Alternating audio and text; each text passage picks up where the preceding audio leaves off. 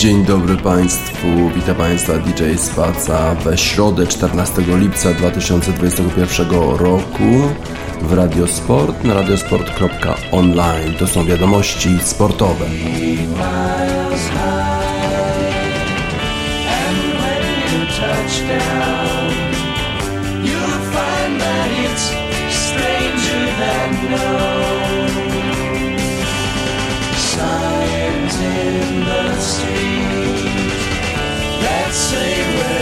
going.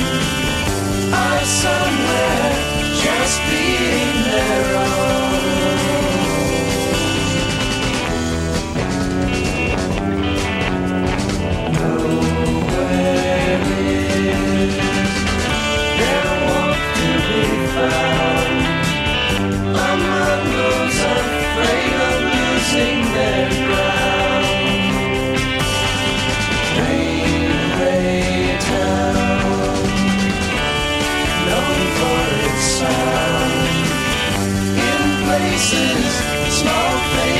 Sunday.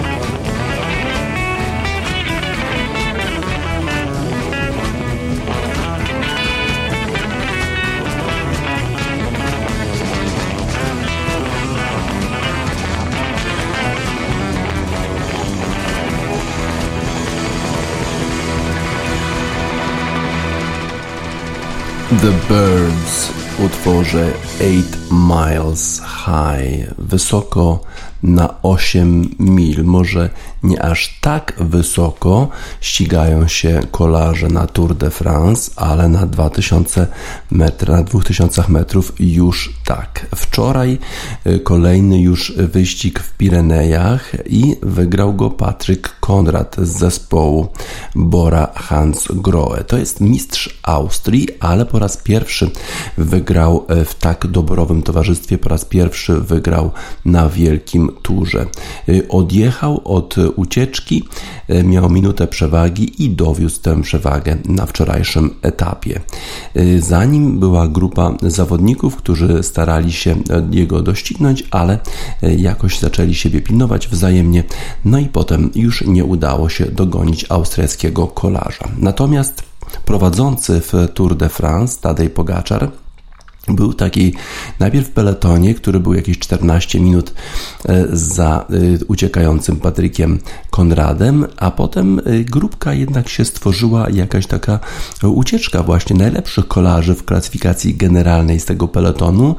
Nawet dziwili się komentatorzy Eurosportu, po co uciekają, jeżeli wszyscy z pierwszej dziesiątki w tej grupce są i ścigali się zupełnie nie wiadomo dlaczego, tracąc pewnie siły, a przecież przed nimi jeszcze dwa etapy w Pirenejach. Wczoraj żadnych zmian w klasyfikacji generalnej nie było. W dalszym ciągu prowadzi Tadej Pogaczar, ma ponad 5 minut przewagi, 5 minut przewagi nad swoimi rywalami, ale on stwierdził, że ci zawodnicy, którzy starają się go doścignąć w klasyfikacji generalnej, będą liczyli na te etapy dzisiaj i jutro. 17 etap, który przechodzi przez e, przełęcz Col Portet 2215 metrów. E, to jest właśnie ten e, etap, który wszyscy uważają, że będzie chyba ostatnią szansą już dla rywali Tadeja Pogaczara, żeby go doścignąć, bo być może będzie miał na tym etapie problemy. A rzeczywiście czasu jest już bardzo niewiele, żeby doścignąć Tadeja Pogaczara, który przypomnę broni tytułu mistrza Tour de France z zeszłego sezonu. 22-latek wygrał wtedy sensacyjnie, e, pokonując swojego rodaka na przedostatnim etapie e, Roglicza. Roglicz wycofał się już w tym sezonie z Tour de France. No i teraz Tadej Pogaczar e, broni tego tytułu. Już mało czasu, jak powiedziałem, dwa etapy górskie i jeszcze jazda na czas przed ostatnim już e, takim etapem przyjaźni, który kończy się na Champs-Élysées. E, zobaczymy, jak ta rywalizacja będzie przebiegać, w szczególności dzisiaj. E, to będzie bardzo ciężka walka, tak powiedział, tak powiedział właśnie Tadej Pogaczar. Będzie bardzo trudno. Oczywiście oni koncentrują się na tym, co będzie jutro, nie na dzisiejszym etapie, tak powiedział Pogaczar o swoich głównych rywalach rywalach, e, bo dzisiaj to nie był profil, e, który daje szansę e, jakichś dużych zmian w klasyfikacji generalnej, tak powiedział Pogaczar, więc jutro każdy będzie próbował, bo to jest chyba najtrudniejszy etap w Tour de France. Oni będą robić wszystko, żeby mnie pokonać, a ja będę robił wszystko, żeby obronić żółtą koszulkę lidera. Trochę przejrzałem ten etap jutrzejszy dzisiejszy i e, następny, to więc wiem, jakie wspinaczki mnie czekają, ale może byłoby lepiej, gdybym tych wspinaczek nie widział. Wyglądają po prostu e, strasznie. Chris Froome, y, który y, jest oczywiście y, liderem innego zespołu, Israel Startup Nation, powiedział, że właściwie wydaje mu się, że jeżeli Pogaczar nie upadnie, nie będzie jakiejś kraksy, to on dowiezie to zwycięstwo. Jest po prostu za silny dla swoich rywali. Ma wszystko, co trzeba, żeby wygrać ten tour. Jeżeli coś katastroficznego by się stało, to tylko wtedy mógłby stracić swoje prowadzenie. Y, Patryk Konrad jest trzecim Austriakiem, który wygrał etap Tour de France, a teraz Konrad będzie przemieszczał się do Tokio, bo będzie reprezentował Austrię w Igrzyskach Olimpijskich. Wczoraj udało mu się wygrać. Jest to moje pierwsze zwycięstwo w kolarstwie zawodowym, no i pierwsze zwycięstwo w World Tour, tak powiedział Konrad. Przyjechałem tutaj, żeby wygrać e, etap, e, chociaż w zeszłym roku e, miałem inne zadanie. Miałem zadanie, żeby być jak najwyżej w klasyfikacji generalnej, ale musiałem dostosować swoje ambicje. Austria nie jest zbyt dużym krajem, a teraz ja jestem tym człowiekiem, który dla Austrii wygrał etap Tour de France, więc jestem bardzo z tego powodu dumny. Na początku etapu było bardzo zimno i w związku z tym kolarze mieli taką przerwę, żeby potem zmienić swoje ubranie na już trochę lepszą pogodę. To było uzgodnione. Natomiast ta ucieczka właściwie nie miała specjalnego znaczenia 14 minut przewagi, no ale nie było tam nikogo, który miałby jakiekolwiek szanse w klasyfikacji generalnej. Y, tak więc y, jutro, y, dzisiaj będzie bardzo interesujący etap właśnie na Col de Portet, tam na tej przełęczy 2212 met, 2215 metrów. Zobaczymy jak poradzi sobie Tadej Pogaczar w tym etapie, ale on wydaje się być w rewelacyjnej formie. Jest po prostu niesamowity, tak jak w utworze zespołu EMF Unbelievable.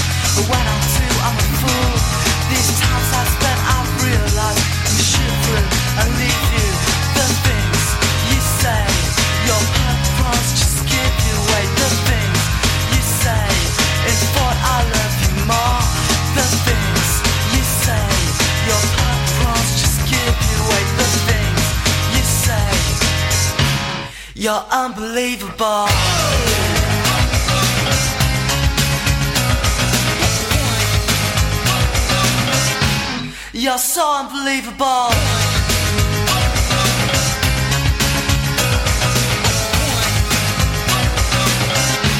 You're unbelievable.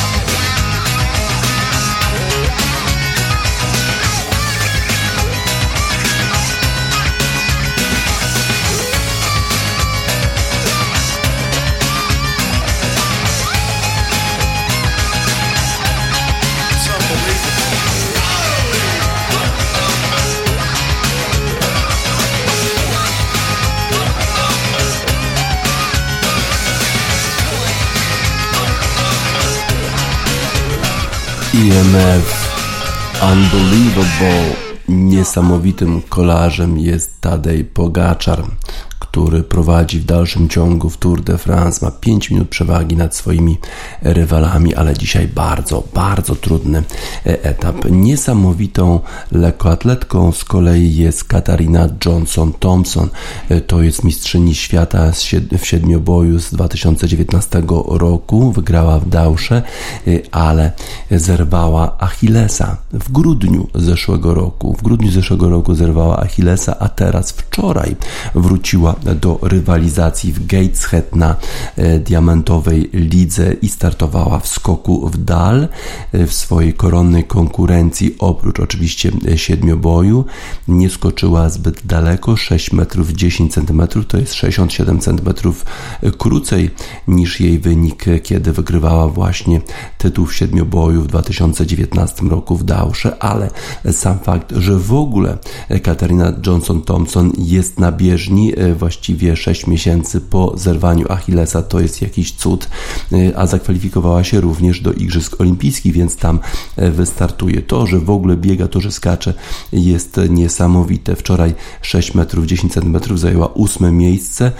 Tam e, lepsze były oczywiście zawodniczki takie jak Malajka Mihambo, e, która jest mistrzynią świata w skoku w dal, ale wynik najlepszy był 6,77, czyli nie tak dużo dalej. 28 lat ma Katarina Johnson-Thompson. Po raz pierwszy y, startowała z 19-krokowego rozbiegu od tego zwycięstwa w 2019 roku. Bardzo dobrze się czułam. Oczywiście y, ten wynik nie jest najlepszy, ale mam jeszcze 3 tygodnie, żeby doprowadzić się do y, lepszej formy na Igrzyska Olimpijskie w Tokio. Muszę teraz się skoncentrować na swojej technice, zamiast ciągle myśleć o moim swoim Achillesie. Czuję się w 100% zdrowa i to był pierwszy raz, kiedy rzeczywiście zastosowałem ten 19-krokowy rozbieg od czasu Mistrzostw Świata w Dausze. Wiem, że moje ciało jest w stanie sobie poradzić z tym rozbiegiem. Muszę po prostu w tej chwili pomyśleć, co zrobić, kiedy po prostu odbijam się z belki, a wydaje się to takie proste. Wcześniej wróciła Katarina Johnson-Thompson do skakania w skoku wzwyż. Skoczyła 1,84 m w takich zawodach zupełnie niezobowiązujących, ale to i tak był dobry rezultat. Moje cele pozostają te same. Muszę po prostu wystartować, być pewna siebie, zdrowa, a i właśnie już w tej chwili do tego stanu powoli dochodzę. Oczywiście będzie chciała zdobyć medal na Igrzyskach Olimpijskich. Wcześniej w tych zawodach Ligi Diamentowej. Trayvon Bromell, Amerykanin, wygrał na 100 metrów 9,98 nie startował e, jakoś bardzo dużo w ostatnich pięciu latach ze względu na e, te kontuzje, które trapiły tego wspaniałego e, sprintera amerykańskiego, ale już po 10 metrach odstawił całą, całe, wszystkich rywali bardzo wyraźnie i wygrał. Wezmę to zwycięstwo. Bardzo jestem szczęśliwy, że udało mi się tutaj wygrać bez odniesienia żadnej kontuzji. Teraz muszę się po prostu przygotować trochę popracować mentalnie, muszę też być zrelaksowanym. No i będę walczył y, w Tokio. Y, brytyjski zawodnik CJ Uja pobiegł w 10-13, zajął miejsce, 10-10 zajął miejsce drugie, a Zarnell Hughes był trzeci z rezultatem 10-13. CJ Uja powiedział, mogło być oczywiście lepiej, ale na ten moment ten wynik mi wystarczy. Wiem, że jestem w stanie pobiec szybciej. Oczywiście chcę wygrać złoty medal. To jest zupełnie inny CJ i jestem z tego bardzo zadowolony. Jeżeli chodzi o y, Japonię, to najważniejsze jest, żeby się tam dobrze zaklimatyzować i przygotować na wyścig. Na 200 metrów Elaine Thompson-Hera, mistrzyni olimpijska, wygrała w czasie 22.43. Jestem bardzo zadowolona. Będę trenować, muszę się trochę zresetować i e, być skoncentrowana na już teraz na igrzyskach. Dobrze pobiegła Brytyjka Jodie Williams, która miała czas 22.60, a potem jeszcze pobiegła 400 metrów i miała 50 sekund 94. E, dobry wynik, a wygrała e, ten wyścig Steph Stephanie Ann McPherson. Mieliśmy też e, polskie uczestniczki, jeżeli chodzi o e, wczorajszą Ligę Diamentową.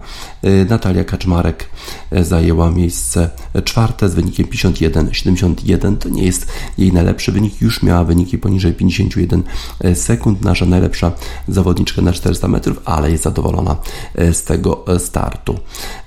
Innym zawodnikiem, który dobrze wczoraj e, pobiegł, to Elliot Giles, którego pamiętamy z zawodów Mistrzostw Europy halowych w Toruniu, gdzie bił rekordy, rekord za rekordem. Elliot Giles tym razem pobiegł na mile i wygrał 3,52,49. Jestem we wspaniałej formie. Oczywiście mówienie o jakimkolwiek medalu w Tokio byłoby absolutną przesadą, ale na pewno zrobię wszystko, żeby taki medal zdobyć zdobyć. Jeżeli chodzi o inne rezultaty wczoraj, to na uwagę zasługuje Femke Ball, y, która dominuje wyścigi na 400 metrów przez płotki, no i wygrała po raz kolejny rezultatem 53-24. Jest to rewelacyjny rezultat, a wcześniejsze rezultaty we Florencji 53-44, w Oslo 53-33, w Sztokholmie 52-37. Rewelacyjne rezultaty tej holenderskiej zawodniczki, która chyba pozostaje jedną z faworytek do wygrania tego wyścigu e, w Tokio.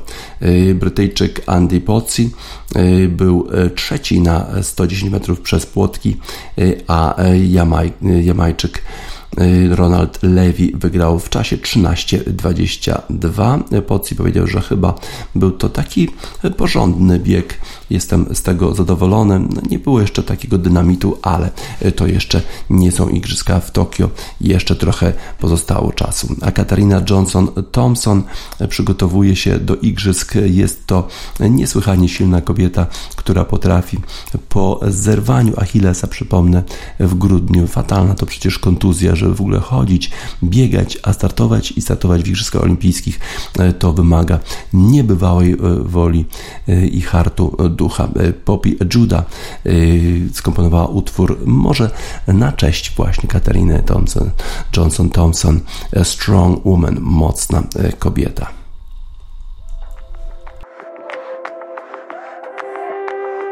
I'm unstable, but you take me as I am when I'm unable to console myself. I scare myself sometimes, but you lift me up, you bring me back to life,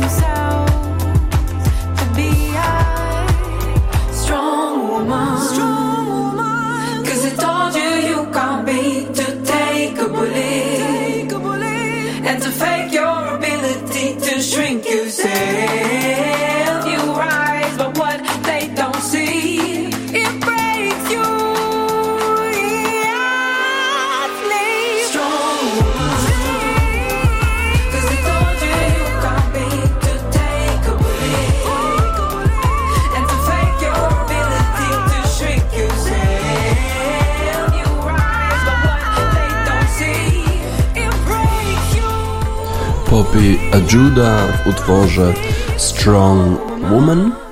Na pewno taką mocną kobietą jest Katarina Johnson Thompson, która po zerwaniu Achillesa w grudniu szykuje się już na Olimpiadę w Tokio, gdzie będzie startować, w siedmioboju. Nie milkną echa finału Mistrzostw Europy 2020, który odbył się w niedzielę. Wiele się działo zarówno na boisku, jak i niestety poza nim. Może najpierw o tym, co na boisku. Guardian wystawił ocenę poszczególnym zawodnikom, którzy brali udział w tym finale i na przykład Jordan Pickford, bramkarz zespołu angielskiego, bardzo niedoceniany, tym razem dostał aż dziewiątkę. I rzeczywiście grał świetnie. On wytrzymał presję, on pięknie też bronił rzuty karne. Kyle Walker siódemkę, John Stones ósemkę, Harry Maguire ósemkę, Kieran Trippier siódemkę, Calvin Phillips ósemkę i Declan Rice ósemkę.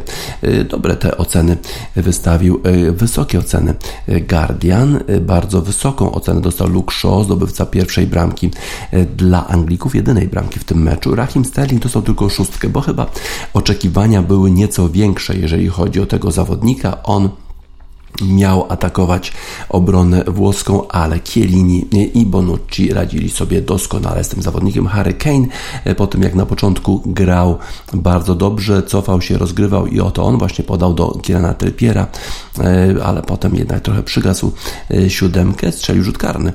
Mason Mount tylko szóstkę, bo rzeczywiście raczej słabiej grał i powinien być zmieniony wcześniej. Być może Phil Foden powinien wejść jednak na boisko, tego jednak nie zrobił trener Gareth Southgate, Bukayo Saka, szóstka, Jordan Henderson, e, również szóstka, Jack Grealish, szóstka, Marcus Rashford, szóstka, Jadon Sancho, szóstka. Oni tylko weszli na rzuty karne, których zresztą e, nie strzelili. Jeżeli chodzi o Włochów, to Gianluigi Donnarumma, dziewiątka. Właściwie nie miał specjalnie dużo do roboty, najpierw puścił bramkę, ale potem e, pięknie bronił rzuty karne i za to chyba dziewiątkę dali mu analitycy Guardiana, Giovanni Di Lorenzo, siódemka, Leonardo Bonucci dziewiątka, rzeczywiście strzelił bramkę, a w obronie był nie do przejścia. Chiellini, kapitan, ósemka, Emerson, siódemka, Nicolo Barella, chyba najsłabszy z Włochów, szóstka, Jorginho, ósemka, Marco Verratti, świetnie rozgrywał e, w środku pola, w szczególności w drugiej połowie, e, ósemka dla Verrattiego, Chiesa, ósemka, bardzo dobry zawodnik, Ciro Immobile, który na początku turnieju grał świetnie, potem już w ostatnich dwóch spotkaniach raczej słabo, no i jeszcze ta fatalna symulka, kiedy udawał, że jest sfaulowany w polu karnym, a potem jak bramkę zdobył Barella, to szybko wstał i pobiegł świętować ze swoimi kolegami.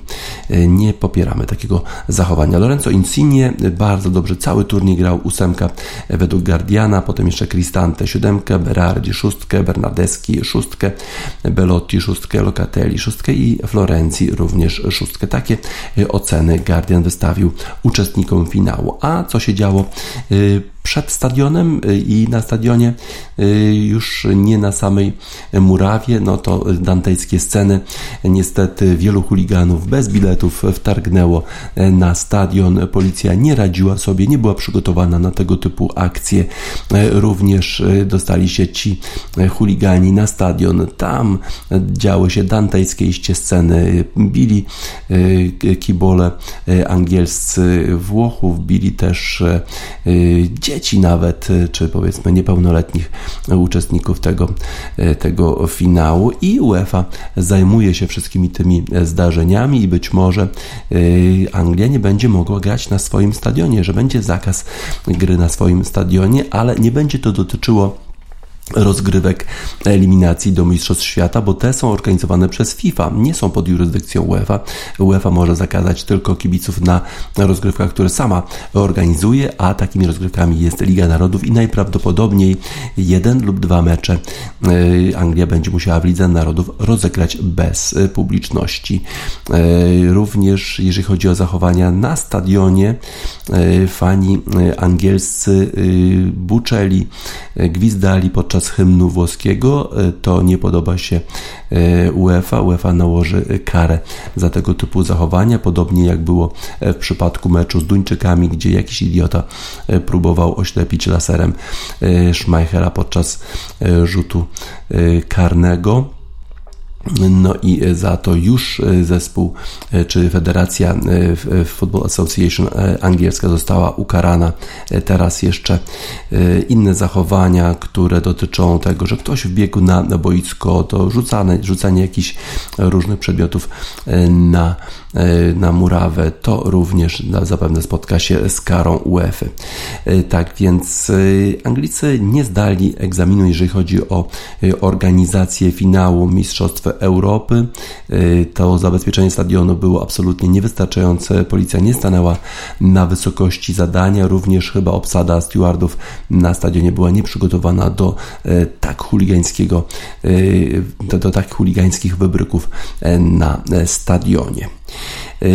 UEFA już y, ukarała y, inne organizacje w piłki nożnej, na przykład węgierska organizacja piłki nożnej dotyczący euro za rasistowskie i homofobiczne hasła na stadionie podczas meczów grupowych tego zespołu. W szczególności chyba dotyczy to meczu z Francją. Tam te zachowania były absolutnie nieakceptowalne i UEFA miała oczywiście rację i prawo do ukarania Federacji Węgierskiej za tego typu zachowania e, kiboli e, węgierskich. W związku z tym wydaje się, że również angielscy kibole e, zostaną ukarani, a bardziej Federacja za ich zachowanie, że nie jest w stanie nad nimi zapanować.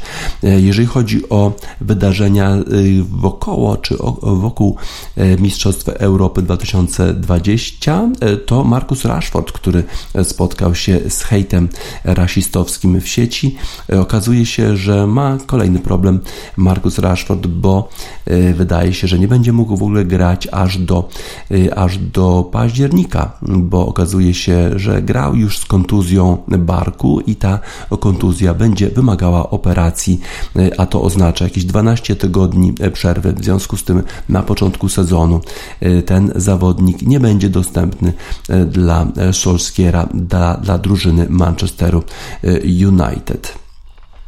Inny zawodnik z kolei, e, który e, również nie trafił rzutu karnego, również spotkał się e, z rasistowskimi zachowaniami, z rasistowskim hejtem w sieci, to Jadon Sancho. On przenosi się do Manchesteru United. 73 miliony funtów ma zapłacić Manchester United Borussii Dortmund za, za transfer tego zawodnika. Właśnie przechodzi badania, czy już przeszedł właściwie badania medyczne Jadon Sancho i już dołączy e, do Manchesteru United. Ten kontrakt pewnie będzie sfinalizowany na dniach. Tak więc jedna dobra wiadomość dla e, Manchesteru United, a druga niestety e, zła.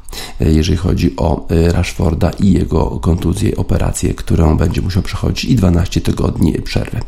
E, tak więc zawodnicy muszą radzić sobie z hejtem w sieci.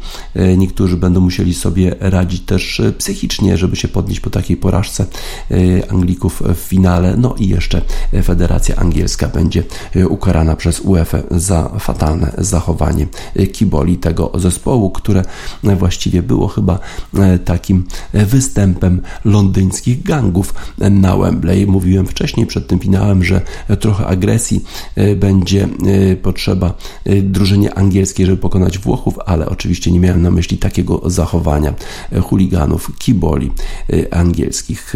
Salt i London Gangs dla odzwierciedlenia tego, co działo się wokół tym razem stadionu Wembley przed finałem i w czasie, w trakcie finału Euro 2020 zespół Salt London gangs.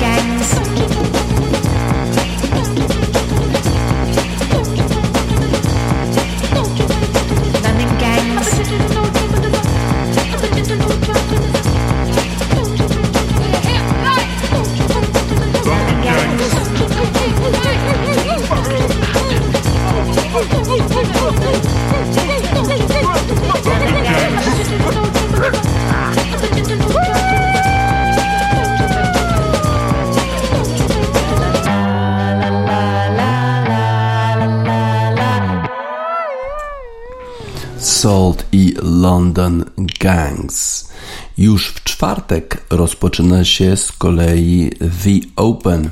E, To jest turniej wielkoszlemowy e, w golfa. E, Ten turniej będzie rozgrywany w Royal St. George's. E, Club to jest e, pole golfowe znajdujące się w Sandwich w hrabstwie Kent. Tam ma być 32 tysiące e, widzów. Mamy nadzieję, że nie będzie takich scen jak na Wembley, że ci widzowie, że ci widzowie będą starali się jednak wejść na to pole z biletem, a nie będą starali się sforsować płotu na Royal St. George's Golf Club. Bardziej liczymy jednak na konflikty pomiędzy golfistami, a te, e, te konflikty e, trwają. W szczególności konflikt pomiędzy Brysonem DeChambeau, najdalej uderzającym golfistą na świecie, i Brooksem Kepką. Tam e, wymiana uprzejmości, w cudzysłowie oczywiście, pomiędzy nimi trwa w najlepsze. Bryson DeChambeau już trenuje na polu Royal St. George's. Mówi, że uwielbia takie linksowe pola nad morzem, gdzie jest dużo wiatru, gdzie trzeba e, piłkę e, posyłać nisko. E, Trudne pytania zadają DeChambeau. Na przykład na konferencji prasowej ktoś zapytał, dlaczego jak uderza piłkę, to nie krzyczy for, żeby ostrzec kibiców, że piłka leci w ich stronę i że powinni się schować, bo przecież mogą oberwać piłkę. On twierdzi, że absolutnie za każdym razem krzyczy for i w ogóle nie wie o czym ten zadający pytanie dziennikarz mówi. A Kal- Kalifornijczyk, który zadał to pytanie, nie wydaje się być usatysfakcjonowany odpowiedzią y, Brysona DeChambeau. Potem pytano y, DeChambeau, czy będzie starał się uderzać jak najdalej, nawet jak będzie wiatr, bo przecież piłka może y, się zachować dziwnie i może gdzieś ją zgubić, czy nie woli zachować się tak, jak tutaj grał Tiger Woods, czyli uderzać piłkę nisko i po ziemi. Mówi, że rzeczywiście jest to możliwe, żeby uderzać piłkę tutaj po ziemi. Y, Zobaczymy, zobaczymy jakie będą warunki, ale chyba jednak będę próbował y, uderzać najdalej, jak najdalej i dać sobie y, w ten sposób przewagę. Pytano również y, o tym, czy ten konflikt w dalszym ciągu istnieje pomiędzy nim a, a Brooksem Kepką. Y, Powiedział Bryson DeChambeau, że przecież uzgodnili, że nie będą tych prywatnych wymian upubliczniać, a jednak y, Brooks Kepka nie dotrzymał słowa i on po prostu y, te prywatne wiadomości czy wymiany jednak upublicznia. Brooks Kepka mówi, że nie wie o czym Bryson DeChambeau w ogóle mówi. Y, No więc może powiedzieć co chce, powiedział DeChambeau, może mm, to nie wiem, nie wiem właściwie co, co, y, co na, na ten temat y, powiedzieć.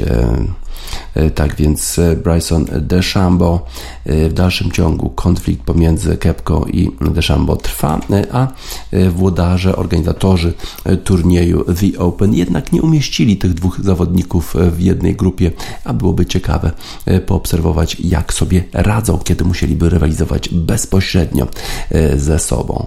DeChambeau nie ma zbyt dobry, dobrych wyników, jeżeli chodzi o ten turniej The Open. Pytany dlaczego tak jest, czy rzeczywiście jego gra nie jest przystosowana do tego typu pól. Mówi, nie no jak to, uwielbiam tego typu pola, na pewno będę miał tutaj szansę. Brooks Kepka z kolei po tym jak już zagrał rundę mówi że no niestety nie podoba mu się to pole. Jest sporo takich uderzeń, że uderzasz piłkę, a właściwie nie wiadomo gdzie ona skończy, czyli to są takie blind shots, czyli właściwie takie w ciemno e, uderzenia. E, No, no ale zapytany, czy w związku z tym widzi słabo swoje szanse? No nie, no wygrywałem już na turniejach, na polach, których nie lubię. To nie ma żadnego znaczenia, e, czy lubię pole, czy nie. No podobało, podobał mi się portraż tam, gdzie dwa lata temu e, były zawody, tam się świetnie grało. Tutaj to pole mi się nie podoba, y, ale jak zacznę grać w czwartek, to w ogóle nie będę o tym myślał, czy podoba mi się, czy nie. Tu trzeba po prostu grać dobrze, trzeba wygrać i tyle. Y, A Brooks Koepka rzeczywiście, jak przychodzi turniej wielkoszlemowy, to na, naraz on odzyskuje y, doskonałą formę. Rory McIlroy, inny z faworytów, który już nie wygrał turnieju wielkoszlemowego od 2014 roku, powiedział, że po pierwszej rundzie golfowej pole mu się jednak podoba, czyli zupełnie inne zdanie niż Brooks Kepka. Y, Ostatni raz, jak tutaj grałem, jakoś nie grało mi się dobrze i miałem jakieś złe wspomnienia, ale teraz, jak poszedłem sobie na to pole, to okazuje się, że to jest bardzo, bardzo przyjemne. Rzeczywiście lokalizacja tego pola jest cudowna. Y, W pobliżu wybrzeża, w hrabstwie Kent, tam, jest, tam są piękne klify St. Margaret's Bay, tam to jest blisko Dover, blisko takich pięknych miejscowości właśnie jak Sandwich, wokół którego znajduje się to pole Royal St. George's, blisko też y, Whitstables. Y, Tak więc y, bardzo piękne miejsce, to jest piękny zakątek Anglii, no ale nie po to przyjechali golfiści, żeby podziwiać przyrodę, oni będą grać o zwycięstwo i ta rywalizacja pomiędzy DeChambeau, Kepką i McIlroyem oczywiście będzie nas e, rozpalać do e, białości. A faworytem jednak chyba jest John Ram, numer jeden na świecie, który wygrał US Open w Polsce. W tym samym czasie odbywać się będą też bardzo, bardzo ważne zawody golfowe. E, Będą to mistrzostwa klubowe e, Polski w golfa E, i tutaj e, zapowiada się rywalizacja bardzo, bardzo inter- interesująco, bo drużyny wystawiają swoich absolutnie najlepszych zawodników i poziom golfa w Polsce e, jest już dużo wyższy niż jeszcze kilka lat temu, kiedy mieliśmy w zasadzie tylko jednego, dwóch zawodników z dodatnimi handicapami. Teraz mamy takich zawodników 27 w Polsce. To już jest ogromny postęp. E, Warszawski klub First Warsaw wystawia bardzo dobry skład. E, Bartosz Bogusz, Franciszek Dudek, Marcin Bogusz, William Carey, Antoni Strzelecki, Włodzimierz Stańczak. E, Świetny zespół w, z Warszawy. No ale inny zespół z Warszawy, czyli Sobienie na pewno jest faworytem. I tutaj jeszcze dodatkowy smaczek, bo Sobienie grają, mistrzostwa odbywają się na Kalinowych Polach, a pamiętam w 2018 roku Sobienie sensacyjnie zostały wyeliminowane przez e, właśnie zespół z Kalinowych Pól e, w ćwierćfinale. Teraz Kalinowe Pola również mają bardzo e, dobry skład i będą chciały tutaj zawalczyć. Pulsakowski, Tomasz Pulsakowski, Jan Rybczyński, Kamil Nowak, Jan Branicki, wszystko świetni zawodnicy. Michał Pigulski również bardzo dobry skład zespołu Kalinowych Pól i ciekawe, czy to idzie do, takiego swoistego rewanżu pomiędzy Kalinowymi Polami a Sobieniami. Kraków Wali, tam występuje Jerzy Dudek, czyli nasz wspaniały bramkarz. Teraz gra w golfa, ma handicap 1,2. E, Świetnie się spisuje e, na polach golfowych, ale chyba Kraków Wali jednak e, to nie jest jeden z tych zespołów, który może powalczyć o mistrzostwo. Y, Startuje również Olympic Golf, y, potem jeszcze Rosa Private, tutaj pewnie mniejsze szanse, raczej walka o utrzymanie się. Sobienie. Mają Alejandro Pedryca, czyli najlepszego polskiego amatora w tej chwili, Michał Bargenda, Andrzej Wierzba, Mikołaj Kniagin, Konrad Bargenda, wszystko zawodnicy z handicapami y, dodatnimi, y, może oprócz Konrada Bargendy, więc na pewno faworyt y, tego y, turnieju, a to kary, y, świetny zespół też, y, Filip Kowalski, Maksymilian Biały, Jakub Dymecki z e, dodatnimi handicapami, jeszcze Krzysztof Sosnowski, jeden z najlepszych polskich juniorów, a potem jeszcze weterani Henryk Konopka i Dariusz Dymecki. To jest na pewno zespół, który może powalczyć o mistrzostwo i jeszcze Toja, która zawsze jest groźna z Antony Kerem, e, z Janem Schmidtem, który będzie również obecny e, na tym turnieju. Jakub Urbański, który w matchplayu gra świetnie. I tam najpierw będzie runda, runda stroke play, a potem już match play, czyli będą drużyny walczyć jeden na jeden. Y, Będzie się działo w kalinowych polach i na pewno jest też trochę tej takiej złej krwi, jak pomiędzy Brooksem Kepką i, y, i Brysonem DeChambeau. Tutaj pomiędzy klubami, na przykład takimi jak Kalinowe Pola, czy Sobienie, y, czy pomiędzy Sobieniami a First Warsaw, tam y, też jest ta rywalizacja bardzo, bardzo zacięta. Working Men's Club i Bad Blood dla tych wszystkich golfistów, którzy będą walczyć już y, od jutra na Mistrzostwach Polski klubowych golfa i na The Open, najważniejszym turnieju golfowym pewnie na świecie. British Open, najważniejszy pewnie turniej dla golfistów.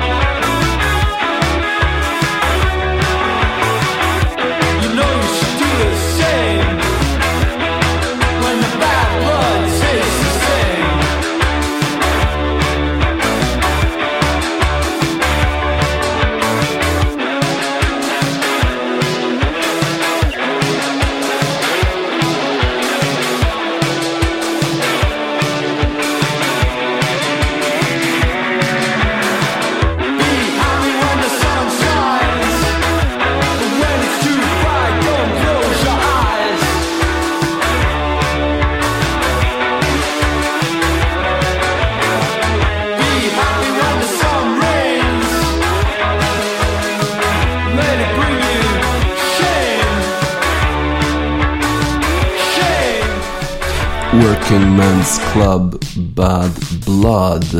Trochę złej krwi, trochę konfliktów między golfistami, a już jutro The Open i Mistrzostwa Klubowe Polski Amatorów będzie się działo.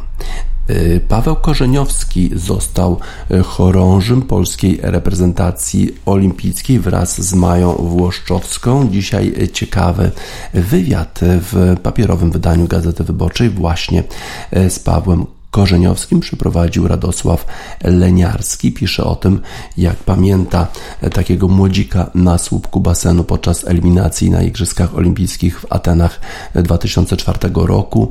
Korzeniowski osiągnął wtedy trzeci czas na 200 metrów motylkiem, wygrał w półfinale, no i wreszcie finał zajął czwarte miejsce, a tam przecież startowały takie gwiazdy jak Michael Phelps.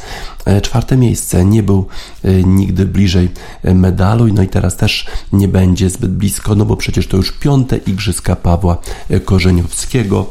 Dłużej odpoczywa, dłużej śpi, jest wiecznie zmęczony, zasypia z synem na brzuchu i budzi się do pracy, bo musi zarobić na olimpijski start. Paweł Korzeniowski przygotowuje się do startu olimpijskiego absolutnie z własnych funduszy.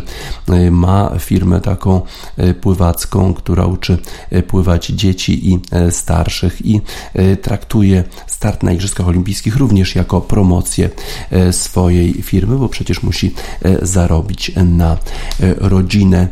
Trenuje, bardzo jest zmęczony, ale w zeszłym roku, ale w tych Mistrzostwach Europy w Budapeszcie udało mu się popłynąć na tyle dobrze, że uzyskał właśnie kwalifikację olimpijską. Po co pan to robi? Dla satysfakcji, no i dla reklamy mojej firmy. To największa motywacja, dlatego wszystko robię sam i nie oczekuję wielkiej pomocy od państwa. Za przygotowania płacę z własnej kieszeni.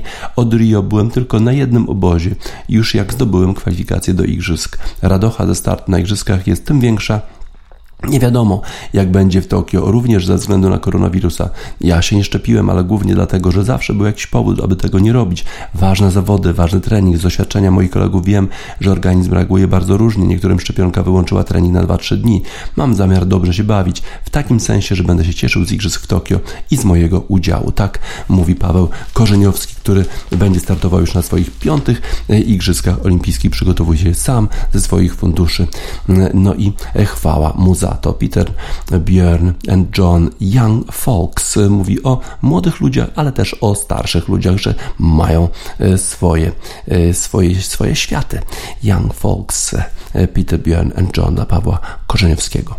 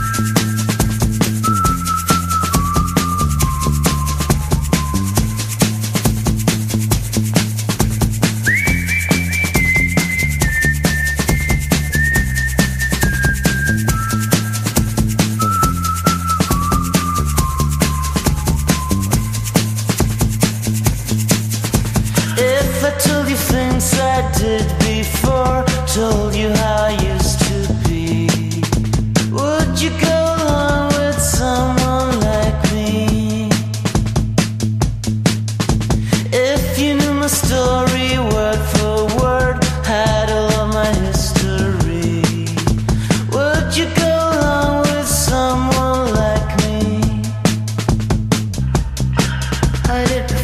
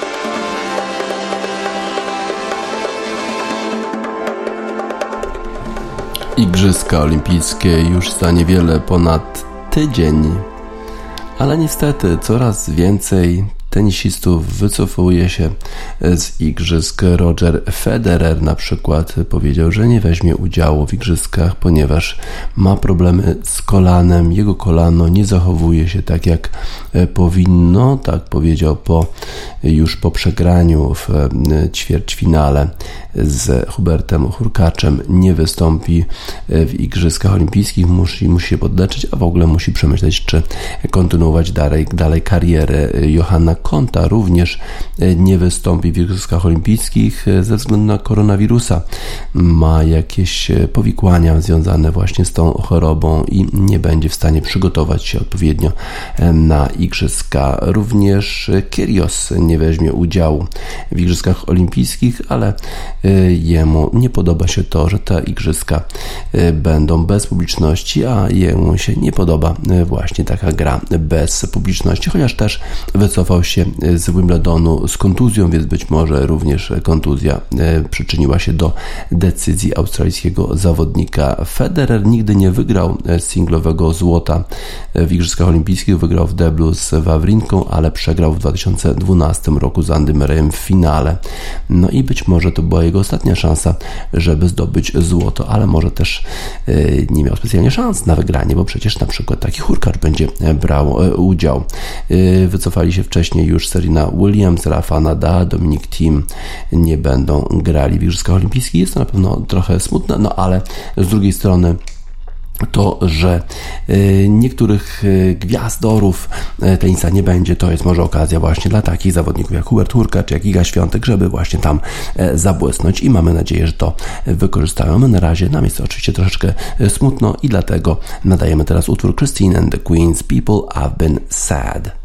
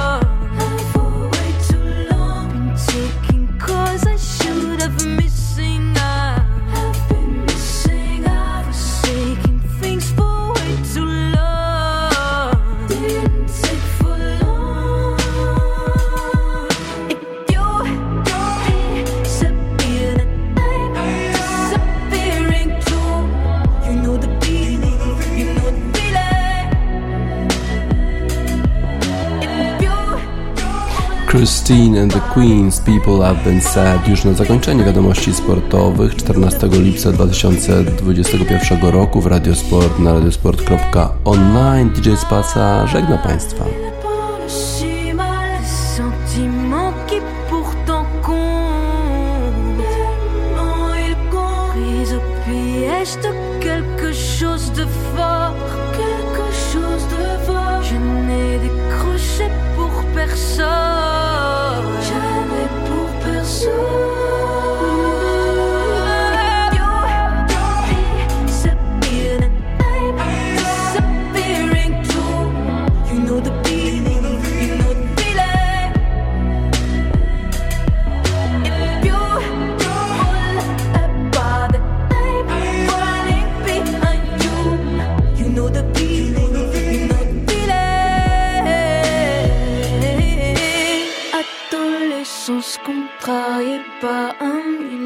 de chars de mort, marcher pieds nus sur du fer et maintenant tout est plus fort. Adolescence contrariée par un milieu de remords. Maintenant quand je ressens quelque chose, tout est bien plus fort. Adolescence contrariée par un milieu de chars de mort, marcher